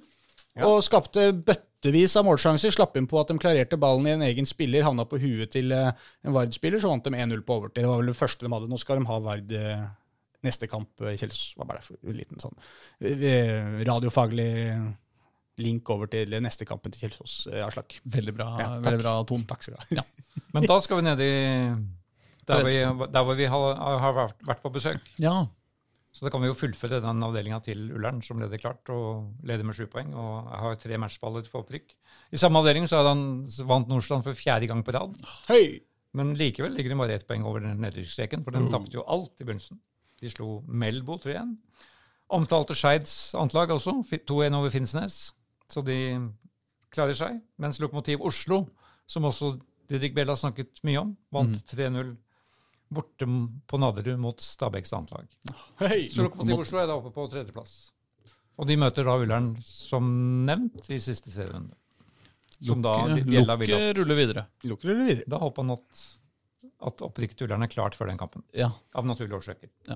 Avdeling 1, vår venn Kjell Sverre Hansen Wold ja. jobber jo videre for å få sin første seier med Stovner. Nei, det gikk ikke denne gangen heller. Oh, nei. 2-5 for Gjelleråsen. Nei, nei, nei. Åh, det er jo en, Jeg skal ikke si nabooppgjør, for det er jo det er på bygda nært, altså. Gjelleråsen, selvfølgelig, men eh, det er ikke så langt. Nei, men når du er helt oppe på Stovner, så er jo Gjelleråsen er jo holdt på sin neste stopp. Det er Jeg veit det, altså, men jeg bare prøver å rakke Har du ikke ned på ting peiling, som er utafor Oslo. Har du ikke peiling, eller? Men Gråruds antlag slo Apropos, det er jo samme Ja, apropos nabolag. Fuvo slo, slo Fuvo 2-1, og da er nesten på sikker plass. Hvem sa du nå? Hvem var dette? Nå, bare, Grorud antlag, mot Fuvo? Fuvo. Hva, hva er det for noe? Funnefoss Vormsund. Er det nabooppgjør? Nei. Nei. Nei, dette er Glomma. er ikke det? ja, det var det. Ja, det var, ja. Nei, samme det. Samme Samme det, avdeling 2, Oppsal 1-1 mot Sarpsborgs antlag. Ja, Oppsal ligger på niendeplass. De bare poeng, ett poeng over nedrykk, dem òg. Dette, dette var ikke det vi hadde venta før sesongen. Og så avdeling fire, den eh, store avdelingen for eh, Oslos gamle storheter. Mm. Som Egil Olsen har spilt for. Som eh, Ola Dybwad Olsen har spilt for. Harald Berg. Nei, n- ja, Jon Obi Mikkel. Ikke, på samme lag. Jon Obi ja du tenker på. Reddy? Er ja. Så mm, Frigg gikk da på en sjeldent Vant for en gangs skyld ikke sin kamp. Oi. De fikk en mann utvist etter, eh, på slutten av første omgang. Ganske unødvendig. Snakka på seg rødt kort. Først gult, og så rødt. da, vel å merke. Så det ble 1-1 mot Lysekloster. Men de har vel fortsatt ubeseira? De er fortsatt For de hadde vel bare uavgjort mot Reddy fra før? Det stemmer. Men Jeg syns det, det er mer unødvendig når man gjør en sånn eh, litt sånn uheldig, stygg takling. Eh, og snakker på seg rødt kort. Da har du jo i det minste ment det. Eh, eh, Hva mente du? At det, du liker det bedre? Ja, ja. Å snakke på seg? Ja, på en måte. Ja, ja fordi det er, det er deilig, på en måte. Da får du det liksom ut, i hvert fall. ja, ja. ja, det var vel det han Montenegro-spilleren gjorde i går også i, mot Norge. Ikke sant? Han fikk det Han ut. hadde bestemt Han seg, det han. ut. Ja. At jeg skal bare Og da er det bare å forlate stedet. Ja. Kort. Ja, men uh, Frigg fortsatt serieleder. Ett poeng bare nå foran Fana, fordi det er flere lag som uh, vinner de fleste kampene der. Ja. Fana sto Reddy 5-1. Det betyr at Reddy er i sumpa. Ja. Mens våre eh, omtalte venner i Lyn, dessverre, dessverre, 3-3 borte mot Stord. Enda et poengtap. De leda 3-1 og rota bort. Slapp inn to unødvendige mål på slutten og er eh, i vakuum. Kan verken gå opp eller ned. Ja. Så Bent Inge Johnsen og hans venner de kommer vi tilbake til neste år. Ja. På samme nivå. Det var det. Det var divisjon tre. Ja, men da er vi ferdige, da. Fjerdedivisjon skal vi ta neste uke, for nå er det ting på gang der. Så vi grei er i posisjon med å komme opp fra fjerdedivisjon. Men oi, oi. den materien skal vi ta dypere etter hvert. Hvis vi skal, Unnskyld. Hvis vi skal liste alle resultatene i fjerdedivisjon, da, da må vi sitte her en stund. Ja, men det har vi tid til. Hvordan går det med disse overtidkampene fra Obos-cupen? Å ja, nei, det vet jeg ikke. Så glemte vi Vålinga, Vålingas antlag, som da tapte stort vel for Asker Ja. i annen divisjon. ja, det var sant. Men Det var skikkelig stygt òg, det. Ja, det var skikkelig stygt. Ja. Men dem er liksom også ute av alt. Ut av dansen. Midt, akkurat som A-laget. Ja. I vakuum, midt på tabellen. Men dere, eh, takk for eh, denne uka. Vi ses igjen neste uke. Det gjør vi. Og eh, vi får håpe det blir minst like hyggelig. Skyggene er lange, dagen er på hell. Mine legger lagd av fotball. Og min hjerne lagd av kål. Og mitt navn er Herman Wildenvei. Takk for det.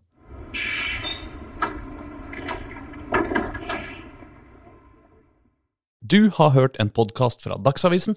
Ansvarlig redaktør heter Andreas Heen Haaland Karlsen.